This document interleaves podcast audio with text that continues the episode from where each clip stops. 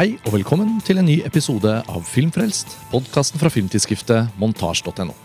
Mitt navn er Karsten Meinick, og vi er fortsatt på filmfestivalen i Berlin. Jeg sitter her sammen med Mats Halvorsen. Hallo. Hei, Mats. Og Pernille Middleton. Hei. Dere to var jo gjester i den første festivalepisoden fra årets Berlinale. Da kjørte vi en litt sånn rapport hvor vi snakket om alt vi hadde sett i løpet av det første døgnet. Drøyt første døgnet. Og nå er vi jo helt mot slutten av festivalen. Eh, Det er deres siste dag, og vi har sett mye mer film.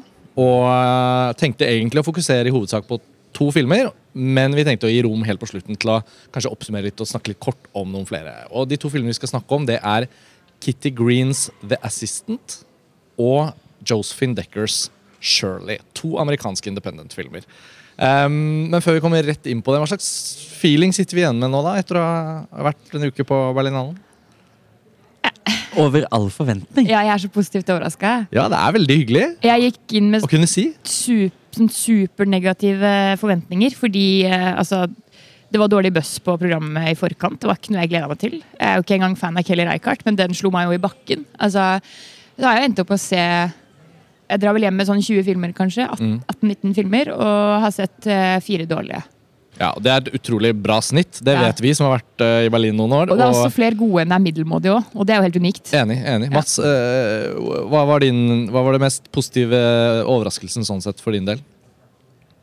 Av film? Nei, nei, bare eller? av inntrykk. Nei, ja, det var jo litt Jeg hadde nok ikke samme negative holdningen til Pernille. Jeg gleder meg litt mer, men jeg er jo også ferskere i Berlinale-gamet. Og har ikke helt Du har ikke blitt slipt og... ned av alle de dårlige filmene? Absolutt ikke. Erosjonen av dårlig film. Men bare sammenlignet med i fjor, hvor vi så et par filmer som virkelig bare var eh, makkverk, liksom. Ja. Så er jo selv det dårligste vi har sett nå, Helt ok, nesten omtrent. spiselig. Eh, mens eh, det beste er nesten helt der oppe med det aller beste fra i fjor. Ja. Har, kåret, har dere kåret deres verste sånn hittil? Jeg har ikke, nei, jeg har, ikke, jeg har ikke gjort det. Jeg har litt, litt flere festivalfilmer å se igjen da, enn dere. Men um, Jeg tror tenk- nesten det blir Pinocchio for min del. Matteo Garones Pinocchio. ja, dessverre. Ja, Den kan vi ta en liten runde på på slutten. da. Jeg har tatt ut billett til å se den faktisk i morgen. Ja, Men um, ok, dere. Vi, vi snakket om å fokusere på The Assistant kanskje først. Mm. Og um, det er jo litt interessant da at vi sitter her i dag, og nyhetene er at um, den tidligere Hollywood-mogulen Harvey Weinstein har blitt dømt for uh, ikke de aller uh, mest alvorlige anklagene, men han har blitt dømt for to av tiltalepunktene i rettssaken mot ham i New York. Ja. Og han skal altså i fengsel. Og det var jo New York Times og The New Yorker sine avsløringer av Harvey Weinsteins årelange eh, mønster og kultur for seksuell trakassering og seksuelt misbruk og voldtekt. Eh, som satte i gang hele metoo. Den historikken kjenner nok de fleste. Vi trenger ikke snakke så mye mer om det. Men det har jo ikke blitt behandlet i så stor grad på film ennå. Før nå. Det har kommet noen dokumentarer og sånn. Det kommer til å komme på løpende bånd. ja, og, og, og, men det er jo akkurat selve Weinstein-saken som kanskje føles ekstra verdifull at blir gjort noe på. da. Og jeg husker Vi skrev en nyhet i fjor eller i forrige fjor om at uh, Brian De Palma allerede var i gang med å skrive et manus basert på liksom, Weinstein som fiksjonsfilm. Men så kom jo da denne The Assistant litt sånn opp uh, i det stille, en indie-produksjon. Og hvis ikke jeg husker feil, så tror jeg den hadde premiere i Toronto eller på en høstfestival. Og så har den europeisk premiere her i Berlin. Blir vist i Panoramaseksjonen. Og Kitty Green, regissøren, eh, har egentlig bare signert én liksom, spillefilm eller kinofilm eh, tidligere, som var en dokumentar som er på Netflix som heter 'Casting John Bennett'. Eh, og produsenten, så vi på rulleteksten, er bl.a. James Shamus. Uh, Ang Lees eh, produsent, som jo selvfølgelig har en utrolig filmografi bak seg.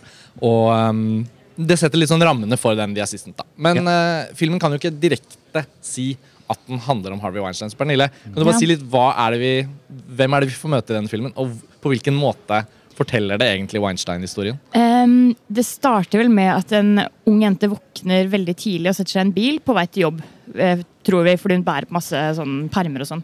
Uh, spilt av Julia Garner, som uh, nylig eh, Golden Globe-nominert. Emmy-nominert. Vant Emmyen Vant Emmyen også. Ja. Mm, for Ozark. Veldig Ja, Ozark, ja, ja. For Ozark. Det har vært å finne dyktig. en og annen liten indie-film òg, men hun har ikke hatt noe sånn stort breakthrough kanskje da. Nei, jeg så nå. henne i den Grandma med Lilly Tomlin Ja, eh, ja, for noen samme. år siden. Så jeg hadde, liksom, hadde henne litt på radaren. Syns hun er veldig god. Ja. Men dette blir jo hennes eh, sånn ekte breakthrough, da. Ja. Eller det har det allerede vært. Ja, for det er en skikkelig hovedrolle her, En skikkelig og, hovedrolle. og hun gjør det jo veldig bra. Og, ja, og hun drar til da, dette kontoret tidlig om morgenen. Vi skjønner at hun er den som er på en måte kontoransvarlig for å vekke hele kontoret og å legge kontoret når dagen er ferdig. Hun er den første som kommer, og den siste som går. Ja. Og vi vet jo, kan jo alle skjønne hva det innebærer. At det er sånn eh, litt sånn utakknemlig hardt eh, arbeid. Eh, og det, det vi forstår jo gjennom telefonsamtaler med foreldrene at hun er så opptatt. Hun ser jo ser ikke vennene sine lenger. Hun er liksom bare på jobb.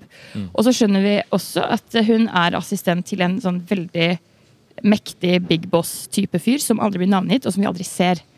Og det er vel egentlig selve premisset. Og så er det sånn, er det Weinstein? Vet ikke. Men det er jo helt klart eh, en type av det.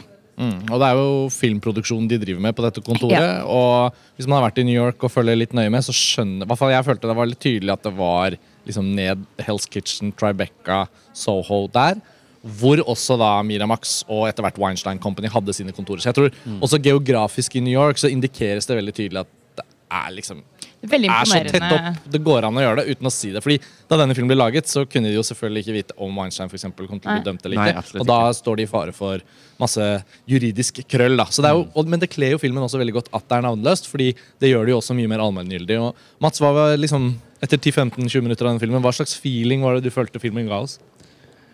En ganske sånn langsom Litt sånn slow burn nesten allerede der, fordi det var så Det var på en måte litt mystisk først. sånn Hvor skal hun i den bilen? Det er veldig mørkt. Hva, hva er det som skjer? Og så kommer hun til dette kontoret, og så blir alt veldig fort sånn dagligdags. Eh, og jeg satt i hvert fall med en sånn følelse av at Ok, men hva, hva skal egentlig skje nå? Hvor er det vi skal? For dette er så vanlig. Ehm, men så syns jeg samtidig det var så innmari fengende å se henne bare liksom tusle gjennom kontoret og skru på lamper og Det er så mange små oppgaver hun gjør. Det er veldig sånn, Og hun gjør så godt hun kan. Hun tar det jo på strak arm. Det er jo ikke sånn at Hun gjør ikke så mye motstand eller klager ikke noe særlig. og Dør litt på innsiden, ser man, men altså, det er jo bare å relatere til.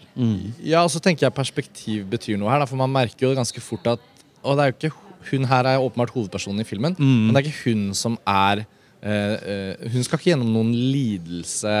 Og egentlig føler jeg jo vi ganske raskt skjønner at det er ikke helt en film som skal på en måte dramatisere seksuell trakassering på en måte, eller noe sånt. Men Nei. gjennom dette ekstremt konsentrerte fokuset på denne assistenten, så skjønner man at den, den stille, unge ansatte som bare er der for å gjøre jobben sin, og som er, som du sa, Pernille, første på jobb, siste hjem. Alt hun ser. Mm. Og alt hun hører 20 av bruddstykker av en samtale her. Så kan vi jo bare fylle det inn selv, Ja. fordi vi kjenner Absolutt. Og det er så smart filmskaping. Ja. Ja, det, jeg likte det jævlig godt. At det, er sånn, det handler egentlig ikke om hun og, og forholdet hun har til familier og venner og alt det der, og hva, hva skal skje med henne. Det er mer sånn, Hun er jo en observatør, og våre øyne inn i et kontorlandskap som har ja, ganske grove problemer. Selv om det ikke er sånn in our face, så er det så merker du, altså Vi er jo med på en slags sånn der, de første røde flaggene til en metoo-skandale.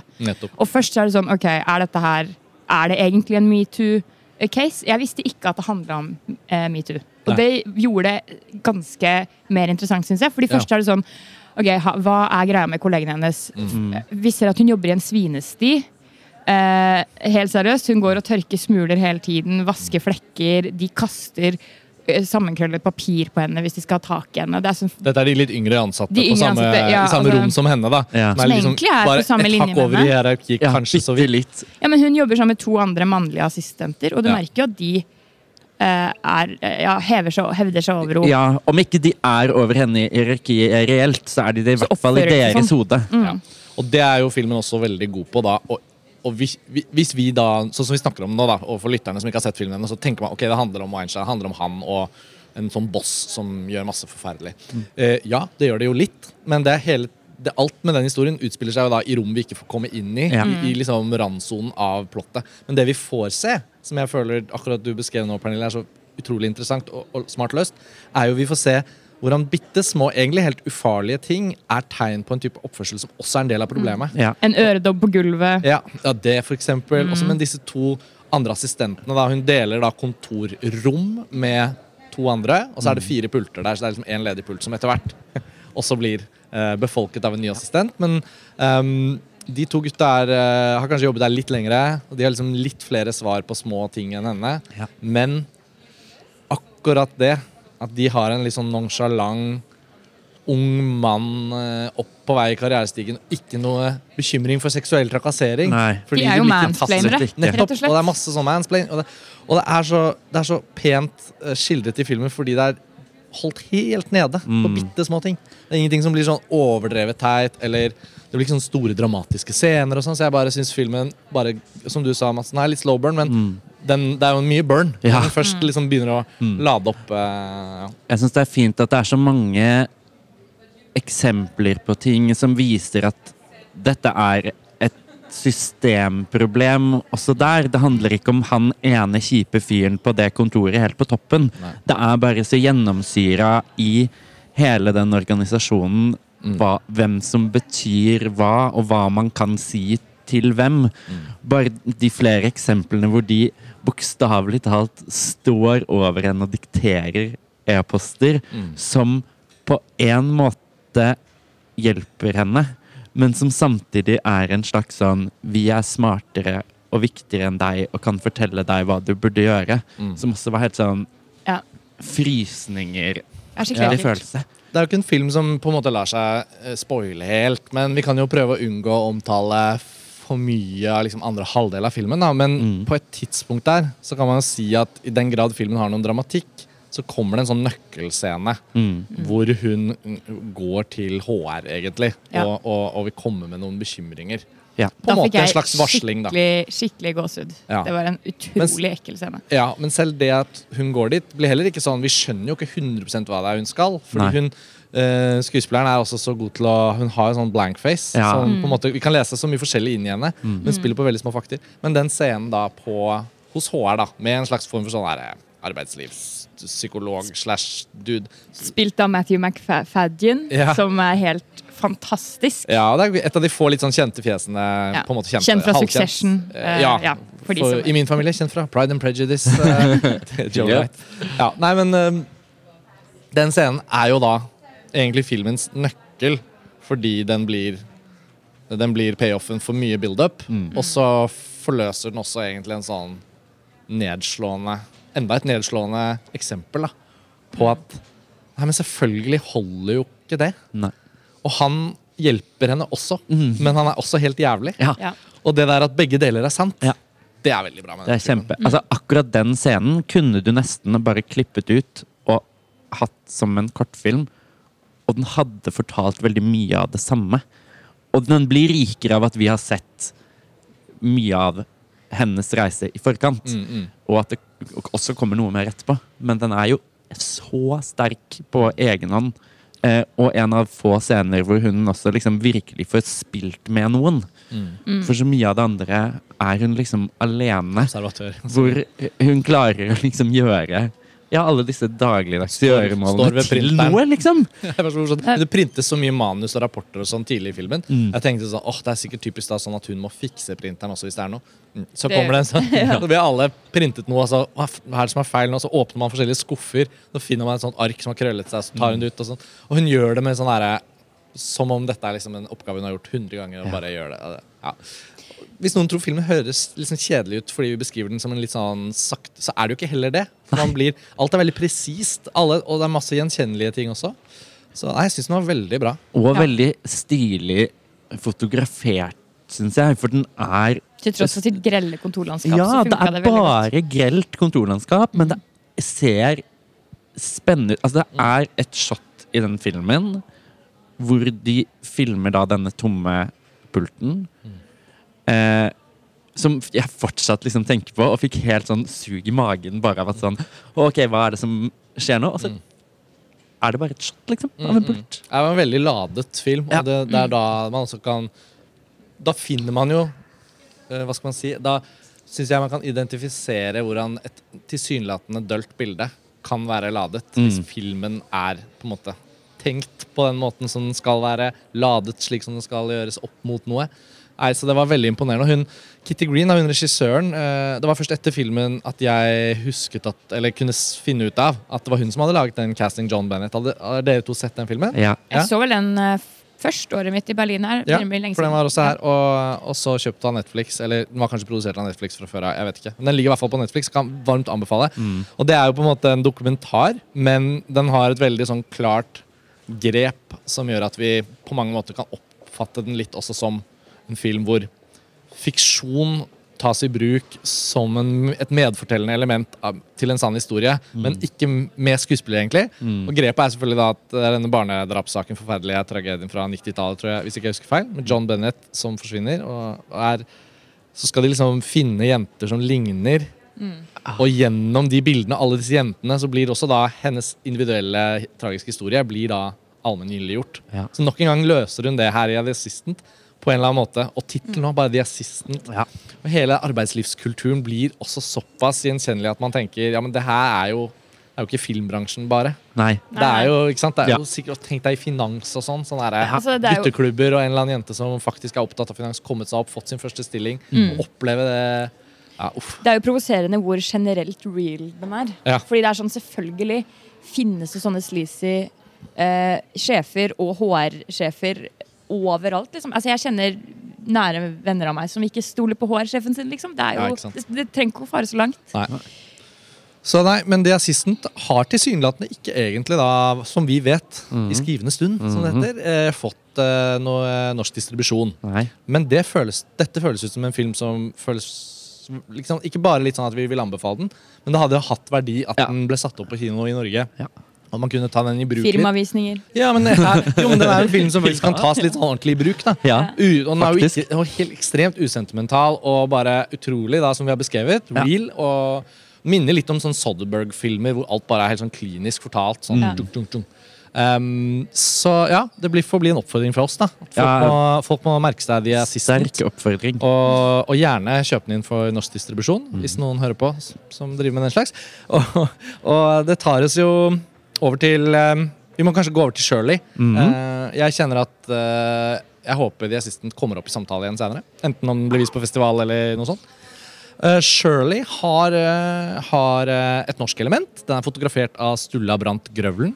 Norske fotografen som eh, fikk et kjempegjennombrudd her i Berlin med En natt i Berlin. Eller Victoria, som den het. Den skutt i en lang tagning. Og ja, skal, Hvor skal vi starte med Shirley? Det er en periodefilm. Eh, regissert av Josephine Decker. Skal starte med å si at Sturla var dritflink her òg, da. ja. Jeg syns fotoet var ek- eksepsjonelt bra. Men det er vel egentlig det eneste jeg likte fra denne filmen. Ja, men eh, vi må si litt hva den handler om, da. Ja. Eh, Er det noen som melder seg frivillig? Jeg tror ikke jeg kunne recappet det, egentlig. Jeg kan melde meg. Ja.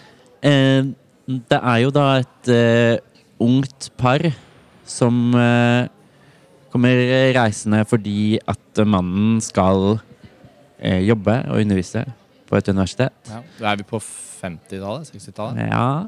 Jeg tror jeg er tidligere. Er det ikke? Litt? Nei, ja. Og så ender de opp med å Det som skal være midlertidig, i hvert fall, bo hos hans på en måte eh, overhode. Hans medprofessor. Em, og hans forfatterkone. Som er et ganske spesielt par.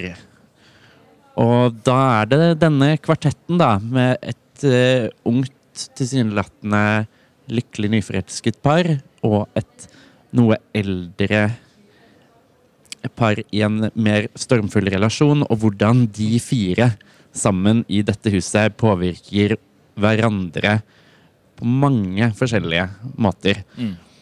Shirley Jackson er vel også en virkelig Mm. forfatter. Mm. Spilt av Elisabeth Moss. Eh, jeg har ikke ennå eh, researchet tungt hvor mye av filmen som er helt eksakt fra virkeligheten eller ikke. Eh, men hvis noen av dere har det, må dere gjerne kime inn. Jeg mener at jeg leste at det handler om den prosessen hvor hun skrev 'Hangsaman', som endte opp med å være hennes eh, største bok. okay. I karrieren. Ja, ja. Som også er en del av historien. Så. Ja. Når når mannen endelig har lest den, så You Ja. finally did it. Ja. um, jeg syns dette var en ganske svak film. Eh, jeg syns eh, det var veldig Det var hyggelig, selvfølgelig, å innse at fotoarbeidet i denne filmen er det overlegent beste med den. Og tidvis er den jo virkelig sånn ekspressiv også i, i bildespråket sitt. Selv om den er en periodefilm, og også liksom, så, så syns jeg den har masse veldig, veldig sterke visuelle motiver. Og, og Josephine Decker var jo i Berlin med sin forrige film 'Madeleines Madeline' i Forum. En film som vel ble vist på Oslo Pix, hvis ikke jeg husker feil, men som ikke var i norsk distribusjon, og som var en ganske eksperimentell, eh, spennende, syns jeg, film. Eh, åpenbart en regissør som skal forske i noe, og vi snakket om den på Filmfrelst den gang. Um, og her er hun litt sånn Man føler hun har fått et prosjekt i hendene hvor hun kanskje er litt sånn på en måte hentet inn da, som regissør. Um, og hvis det ikke Alt blir jo sikkert personlig for en forteller som er i gang med å lage en film selv. og sånn, Så tenker jeg vel man merker at hun vil lage litt en annen type film enn det historien krever, eller manuset er lagt opp til. Så det er en litt sånn konvensjonell narrativ som bare tvinges gjennom. Men så prøver hun i lyddesign, i klipp, i bilder å liksom pushe filmen mer mot det hun har som estetikk. Som man ser veldig klart i Madeleines Madeleine. Uh, så det er litt sånn få liksom, følelsen av kanskje Shirley havner litt At den ikke blir så bra rett og slett fordi det er to ting som ikke helt kan forenes. Da. At filmen tvinges litt i én retning estetisk, men så holdes den liksom fast i bakken av at ja, men her har vi rollefigurer og skuespillere som har møtt opp, og kostymeperiodedetaljer som skal stå riktig. og så Jeg vet ikke. Ja, det er jo kjempedyktige skuespillere her. Du har Michael Stuhlbarg som spiller mannen hennes, og Elisabeth Moss som spiller Shirley. Og så har du også Logan Lerman som er eh, den ene av de, de unge, det unge paret. Mm. Så det er jo eh, Altså, du har jo noen høyst kompetente skuespillere under taket her, men eh, jeg syns de karakterene deres var litt sånn irriterende på hver sin måte. Eh, alle er tidvis ganske sånn uspiselige av seg, og det er noe rart med måten Elisabeth Moss spiller på. Altså, jeg liker henne nesten alltid, men her syns jeg det ble liksom overkant mye. Sånn gammel kjerring. Ja, jeg syns hun var det svakeste med hele filmen. Ja, det var, og det er rart Eh, å si om Elisabeth Moss. Ja da, jeg, jeg har litt Jeg har ikke sett alt hun har laget, og sånn, eh, men jeg har sett henne ganske mye. Og jeg um, har litt grann issues med Hun har ganske stort uttrykk. Og hvis ikke det holdes i sjakk, eh, eller hvis ikke det får spille seg ut innenfor noen form for visuelle rammer som også matcher det, så syns jeg det ofte kan gli litt, eh, gli litt ut. da. Men her syns jeg det var spesielt ille fordi jeg syns tidvis det var liksom dårlig instruert òg, da. Mm. Eller på en måte ja, regi, klipp og henne. Og det, Det de liksom... kom frem til, var, var ikke synes jeg, overbevisende. Og det Nei, var etter to-tre minutter. Så jeg, mist, jeg var aldri med henne. Og så er det noen sånne Eh, seksuelle undertoner og noe attraksjon og sånn som jeg ikke kjøper helt. Det at det er, for å si sånn, jeg, noen blir Det til, det tiltrekket lades. Ja, det lades mellom Mm. den unge kvinnen og Shirley eh, på et punkt. Og det er sånn, men jeg kjøper jo ikke helt at hun blir tiltrukket til henne. Jeg er ikke på et intellektuelt nivå engang. Nei. Fordi hun er jo bare fæl. Eh, Ja, eh, altså Det er ikke liksom en, en sånn fryktelig dårlig film heller. Det er ikke egentlig det jeg vil frem til. Jeg føler at eh, det er så åpenbart at folka som har møtt opp på jobb for å lage den filmen, har et kjempepotensial. Alle er jo ekstremt talentfulle. åpenbart, ikke sant? Fotografen, Josephine Decker som regissør, skuespillerne. Og jeg bare syns det er leit å se filmen og tenke er det, dette er det. Det ble det her. Eh, jeg Ja. Jeg tror Nei, ja. Mats? Ja, det tenkte du, Karsten. Eh, mens jeg satt i den salen sammen med dere og tenkte Dette ble det! Det ble det her! Jeg koste meg så mye. Ja. Eh, dette er en av mine favoritter fra festivalen. Eh, jeg kan godt skjønne noen av deres innvendinger. Mm. Fordi ja, Elizabeth Moss Elizabeth? Elizabeth Moss oh, OK. Elizabeth Moss Der. spiller eh, veldig Altså, hun spiller veldig. Mm. Og ja, hvis man ikke kjøper det, så kjøper man det ikke. Men jeg var med på den reisen. Jeg var med på at stemmen hennes, som hun senker og vrenger litt på og, og gjør mye med. Jeg kjøpte bare måten hun liksom sleper seg opp trappa første gang vi møter henne, Ja. og nesten ikke liksom gidder Det er nesten som at hun ikke gidder egentlig helt å leve når hun ikke blir sett. ja. Eh, og syns egentlig alt funket, jeg. Eh, jeg var kjempemed på historien. Jeg syns den em, prosessen hennes med boken, og hvordan hun på en eller annen måte tvinges litt inn i å skulle skrive igjen av dette nyankomne paret, og hvordan den dynamikken, særlig mellom de to kvinnene, utvikler seg, var bra. Ja, men det Jeg er jo liker hvor eh, Hvor de på en måte går med det, hvor de kanskje trekker det videre, hvor de kanskje stopper. Og ja, jeg var rett og slett helt med på dette. Selv om jeg satt i salen der og ante litt eh, murring fra venstre. Så Jeg må si at jeg var med en stund. Jeg synes også egentlig sånn anslagsmessig at det, det her nå kan det bli noe. Men så hadde jeg håpa på kanskje enda mer Altså Det er grenser for hva du kan gjøre med en sann historie, selvfølgelig. For jeg vil jo tro dette er en sann historie, siden jeg er en sann person. Men jeg hadde håpa på bare at det skulle komme en sånn bombe av noe som hadde litt mer sånn sjokkeffekt. Noe mer drama. Jeg syns det var liksom mangel på å bli litt rysta, da, hvis det først skal ha et sånt intimt eh, drama med så store personligheter i ett og samme rom. ja, men da føler jeg egentlig at du vil se eh, Who's Afraid of Virginia Woolf, du. Kanskje jeg skal gå og gjøre det isteden? For for å møte min egen kritikk mot filmen litt i speilet, da, så tenker jeg jo også at Jeg har jo virkelig ikke øh, kjennskap til Shirley Jackson som forfatter ikke sant? eller som person. Eh, jeg har bare gått inn og egentlig sett en film ganske sånn blankt.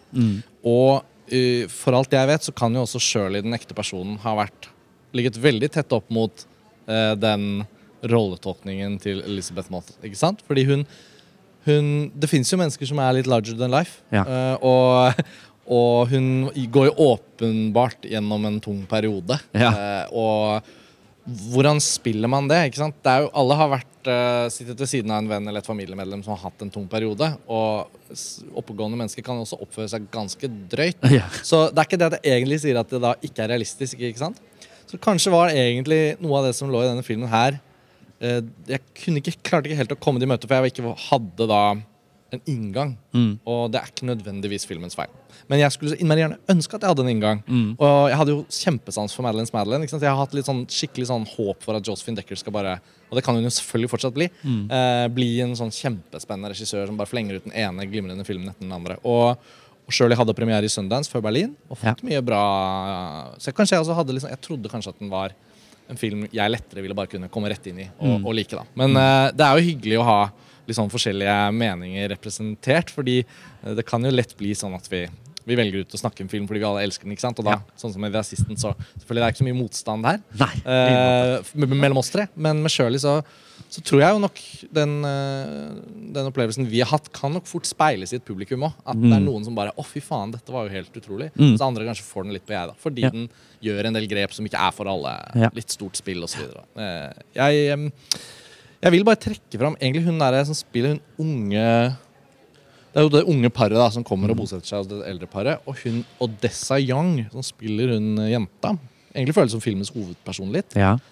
Hun var veldig bra, syns jeg. ja. Hun, Helt enig. hun, I all hovedsak veldig bra. Og, og hun har jeg liksom ikke noe Jeg, tror ikke jeg har sett henne ordentlig før, så jeg måtte slå opp det. Og hun var da i denne Assassination Nation, eh, som jeg har sett da til han Sam Levinson, som har laget Euphoria. Og, Tenk at vi alle glemte at hun var hovedrollen. ja, ja, det var helt sånn jeg bare, er det, Kan det være at en person er så vanskelig å kjenne igjen eller plukke? Men det, så kan jeg bare få sagt det, da, Ja. eh, mens vi snakker om filmen. At man har øynene opp for, det, for henne. Um, Så det er k- Jeg syns også hun står seg veldig godt. For meg er et helt ukjent fjes. Jeg har ikke sett Assassination Nation. Um, og det er et eller annet med at når du har en så En kvartett med tre så etablerte, kjente navn, hvor særlig to av dem er, er ganske sånn spillende typer som Ja. gjør mye. ja, Michael skal du- er ikke noen sånn naturalist, han heller, syns jeg. Eh, Selv om han har hatt noen av de beste rolletolkningene på film de siste Mm. årene. Tenker særlig på Call Me By Your Name. Så skal du på en måte som relativt ung og fersk eh, stå i det Mm. på en overbevisende måte, og Ja. det syns jeg også hun klarte med bravur. Enig.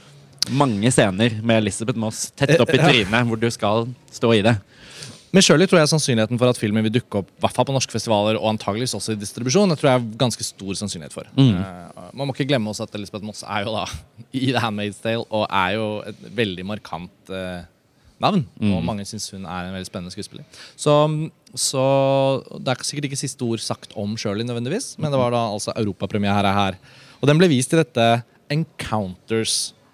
Encounters-programmet, som vi snakket litt om i den første episoden vi lagde. Da var det jeg som hadde vært på reise i skogen og sett Malmkrog av Ja. Christi Puyo. Men hvis vi skal oppsummere på slutten nå med noen flere filmer vi har sett, så kunne vi jo snakke kort om et par andre Encounters-titler. Fordi dersom lytterne er interessert, så kan det jo hjelpe oss litt til å si hva er det de egentlig har programmert eh, i dette eh, Encounters-programmet. Eh, Funny Face Funny face, ja. av eh, Tim Sutton. Tim Sutton heter han regissøren. Den har dere sett. Eh, vi kom akkurat ut av en film i Encounters-programmet uh, som heter The Trouble With Being Born. Østerriksk with being born. Ja. jeg tror det var The Oh, Trouble, Trouble, ja. with Trouble. Being Born. Um, og er det noen flere Encounters-titler? Ja, Vi kan jo starte med de to, da. Mhm. Um, denne Funny Face. Ja. Eh, en Ja. film som på en måte ingen naturlig nok hjemme kan vite noe særlig om. Den bare dukker opp her i Berlin. En regissør som, som har laget ting før. Jeg har sett en av hans tidligere filmer, men liksom veldig sånn under radaren-prosjekt. Den hadde en veldig tøff plakat. Ja. Veldig Og Mats, kul. da du viste meg den plakaten, så kjente jeg sånn OK, eh, dere må komme med bussen så fort dere har sett den, fordi jeg vil skaffe meg billett og se denne filmen hvis Ja. den er så bra som plakaten. Ja. Så Problem, problemet med Funnyface er jo at både den posteren og promobildene de har valgt for filmen, lever jo ikke akkurat opp til Altså filmen lever jo ikke opp til forventningene når man Nei. ser de bildene. Og hvis noen tror vi snakker om Audrey Hepburn Funny Face, så er det da selvfølgelig ikke det. Men, men hva er Funny Face for slags film? Ta oss litt kort inn i det, da. I hvert fall Så- grann. Både plakat og stillbilde som vi hadde sett på forhånd her, tilsa en ganske sånn thrilleraktig, kanskje på grensen til skrekkfilm.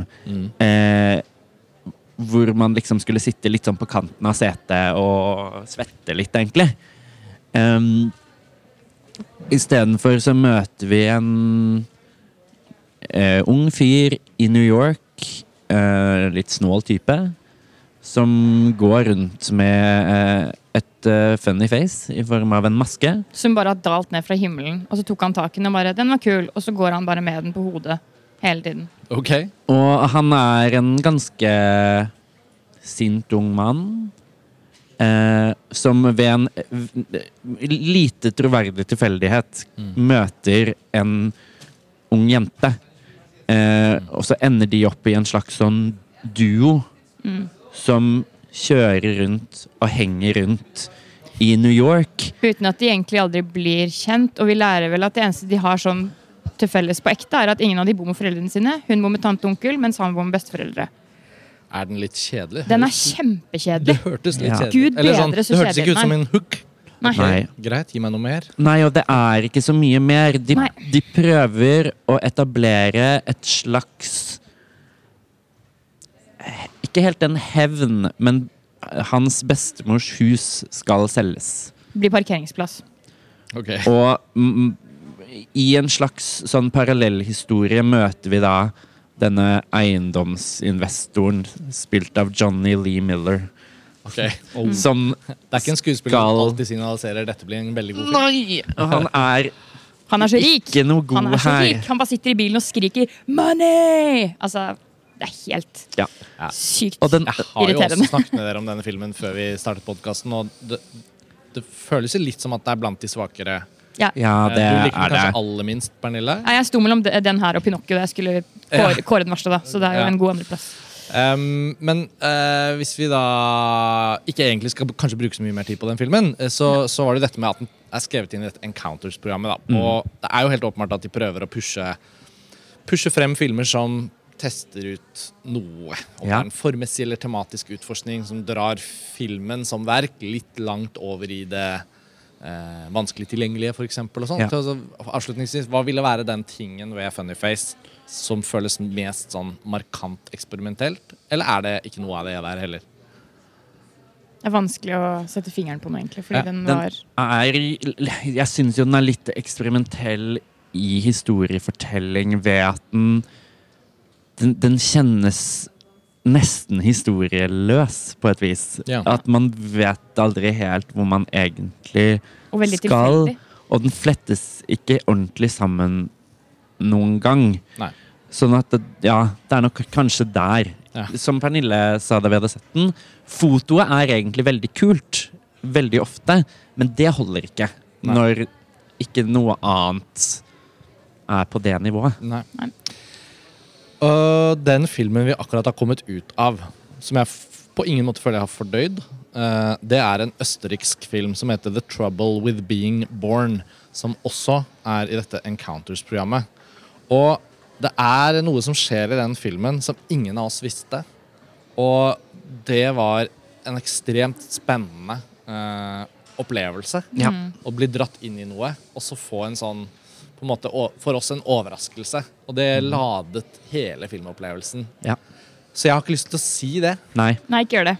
Det er skikkelig våre. gøy. å bare, men da må man Eh, ikke lese om Nei, jeg vet, og vi kan egentlig ikke snakke så mye om den. det er vanskelig. eh, nei, men, men det vi kan si, er at um, dette Jeg syns det var en veldig bra film som, uh, som har noen litt sånne klare svakheter. Som blir ikke liksom en stor film, men det er en filmskaper her som jeg kommer til å ville følge veldig nøye med på. Ja. Hun har bare laget én film før. Det, en timeslang film som kan se ut som den kanskje var i eh, Om ikke i Forum, så ja, en sånn festivalfilm. Og dette her er da åpenbart liksom opp, opp et stort hakk. Og hun heter um, Sandra Wolner. Hun har skrevet og regissert filmen. Og jeg tror vi alle tre merket oss at bruken av kamera en ekstremt stemningsfull film. Ja, veldig. veldig sånn cinema. Lyddesign som kommer snikende, gresshoppelyder, naturbilder. De, de, liksom Rollefigurene vi møter. Vi blir sånn ulm, rar, ulmende stemning. Mm. Og så kommer det Så kommer det mye greier, og det er en ganske drøy film også. Ja. Ja. Og jeg syns dette, er- dette er jo dette er jo sånn man må programmere på festivaler. Ja. Til og med kanskje ha en liten samtale rundt og, og sånn og sånn. Det, det som er spennende med den, er at det er jo en ganske sånn drøy tematikk eh, pakket inn i en normalisert pakke. Altså sånn, fordi vi ble, Det blir presentert som at dette er Mm. det normale livet hverdagen. Mm. Mm. Og så ser vi det også bare sånn OK. Ja, nettopp. Så vi skal ikke si hva det er. Nei. Men eh, da kan vi ha lagt, lagt inn denne lille beskrivelsen av filmen som en tease til eh, lytterne våre. Ja. Hold øye med, med hun Sandra Wollner Mhm. uh, og denne filmen, da. The Trouble of Being Born. Litt sånn vanskelig tittel å huske eksakt. Men det tar oss vel til slutten, dere. Um, eh, Mats, du har listen din over hva du har sett. Kan du ikke bare kjapt ta oss gjennom hvis det er noen filmer du har lyst til å nevne? Jeg har jo vært på min egen lille ekskursjon og sett uh, Jumbo. Av en regissør jeg plutselig ikke husker navnet på. Um, Men det er ikke liksom Tim Burton? Nei. Dumbo? det er ikke Tim Burtons Dumbo, som jeg likte veldig godt. Eh, snarere eh, Noemi Merlin, kjent fra 'Portrettet av en kvinne i flammer', her i Zoe Whittocks film 'Jumbo'. Er den fransk? Den er franskspråklig, men jeg lurer på om den liksom sånn foregår i Belgia. Men okay. ja, Hva er, hva er, hva er premisset her? Nomi Mellan fra 'Portrett av en kvinne i flammer' er jo veldig bra i den filmen. ja, og hun er kjempegod her også. Eh, I nok en kjærlighetshistorie. Eh, Hakket mindre konvensjonell, hvis vi kan kalle 'Portrett av en kvinne i flammer' det, enn den. Eh, hun jobber på eh, en slags fornøyelsespark hvor det installeres en ny karusell. Mhm. Eh, og den kommer hun godt overens med.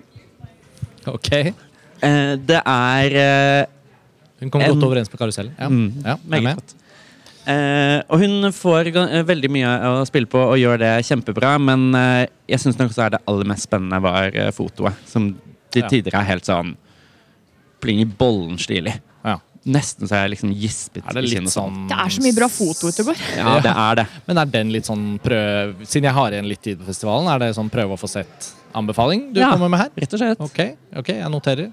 Um, uh, Pernille, hvis du skulle hatt en Hva skal vi si? Hvis du skulle trukket, trukket fram noe sånn helt til slutt? Det eneste som eh, ikke har vært med å snakke om, er vel brått eh, Onward av Pixar, og den skal vi ikke kaste oss over nå, tror jeg.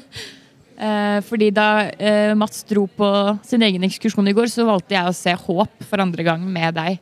Eh, jeg hadde egentlig tenkt å bare se starten, men så klarte jeg jo ikke å gå. Og Håp har jeg snakket om før. Jeg elsker den filmen. Ja, den- og jeg syns det var veldig fint å ha et så bra gjensyn med den, spesielt når gårsdagen var en såpass svak filmdag. Ja. Nei, men nå fikk jo jeg også endelig sett Maria Sødals Håp, som jeg nevner i podkastepisoden hvor vi hadde Andrea Brein Aavik som gjest til samtale. Så trakk jeg jo frem at jeg nå på en måte Fordi jeg hadde litt uflaks med kinovisningene, så sparte jeg den til Berlin da den, Ja. da den ble tatt ut her. Og det var Ja, det gjorde inntrykk. Jeg tror jeg visste litt at jeg kom til å like filmen, Ja. men det var en langt sterkere og mer kompleks filmopplevelse enn jeg hadde forutsett. Og ja, vi satt jo der og var ødelagte, to ødelagte Ja, virkelig. eh, Det er sykt hvor mye den fortsatt kunne revne meg. Selv om jeg, altså, jeg vet alt som skjer, Ja, ja, og jeg vet at det går bra. Altså, og, sånn. vi, og vi var ikke alene om det. Ved siden av oss så satt jo to ungarske kritikere Ja. som eh, lurte på om vi snakket svensk, og de skjønte kanskje at vi hadde Eller ja, vi merket vel fort da at vi Mm. var fra det landet filmen var laget i. Og det, det er så rørende å få satt Ja. bare to minutters samtale med Ja, noen som er helt fra en annen de ble så grepet av filmen, og de var veldig nysgjerrig på eh, ja, Litt først bare om Stellan Skarsgård snakker svensk og norsk og forstår de hverandre, og bla, bla, bla. Og så kunne vi avklare det. Men de hadde jo også virkelig blitt grepet av filmen, men de var da ikke klar over Mm. at den er basert på Maria Sødals eget liv og opplevelser med sykdom. Så ja, det var liksom fint. Og følte vi kunne formidle litt ekstra. Ja, ja. Og de, de satt gjennom hele rulleteksten. Og, ja. Ja. Mm. Det møtet med de ble jo brått det beste i Encounters. ja. Ok. Skal vi si at vi er eh, i mål med denne episoden, da, dere? Ja. Um, hvis vi kommer på noen flere titler som bør nevnes, og sånn, så, så har man jo anledning til det senere i andre sammenhenger. Um, Mats og Pernille, det har jo vært veldig fint å ha to episoder i denne formen med dere. Mhm. Og, og slippe det litt løs fra bare å konsentrere oss om én film og la, la praten gå litt fritt. Eh, jeg, eh, jeg eh, tror denne Berlinalen kommer til å stå seg som en av de bedre. Det er det jo åpenbart at vi sier. Ja. Men er det ikke litt sånn håpefullt? For da, da dette er jo tegnet på hvor den nye kunstneriske ledelsen da vil med programmeringen. Jo, Og jeg syns- Ja, og nå fikk vi ikke sagt så mye mer om Encounters-programmet, men jeg tenker jo at det er veldig bra, det der. Det er bra å ha en sånn seksjon, og jeg tror det er eh, gunstig. Det er ikke så mange filmer de har tatt ut i den Det liksom konsentrerer et sånt utvalg litt. Mm. Ok, da får dere ha god tur hjem, da, Mats. Takk. Pernille. Vi rekker Én film på tampen, heldigvis. Ja, på Filmfrelst. Ha det bra. Ha det. Ha det.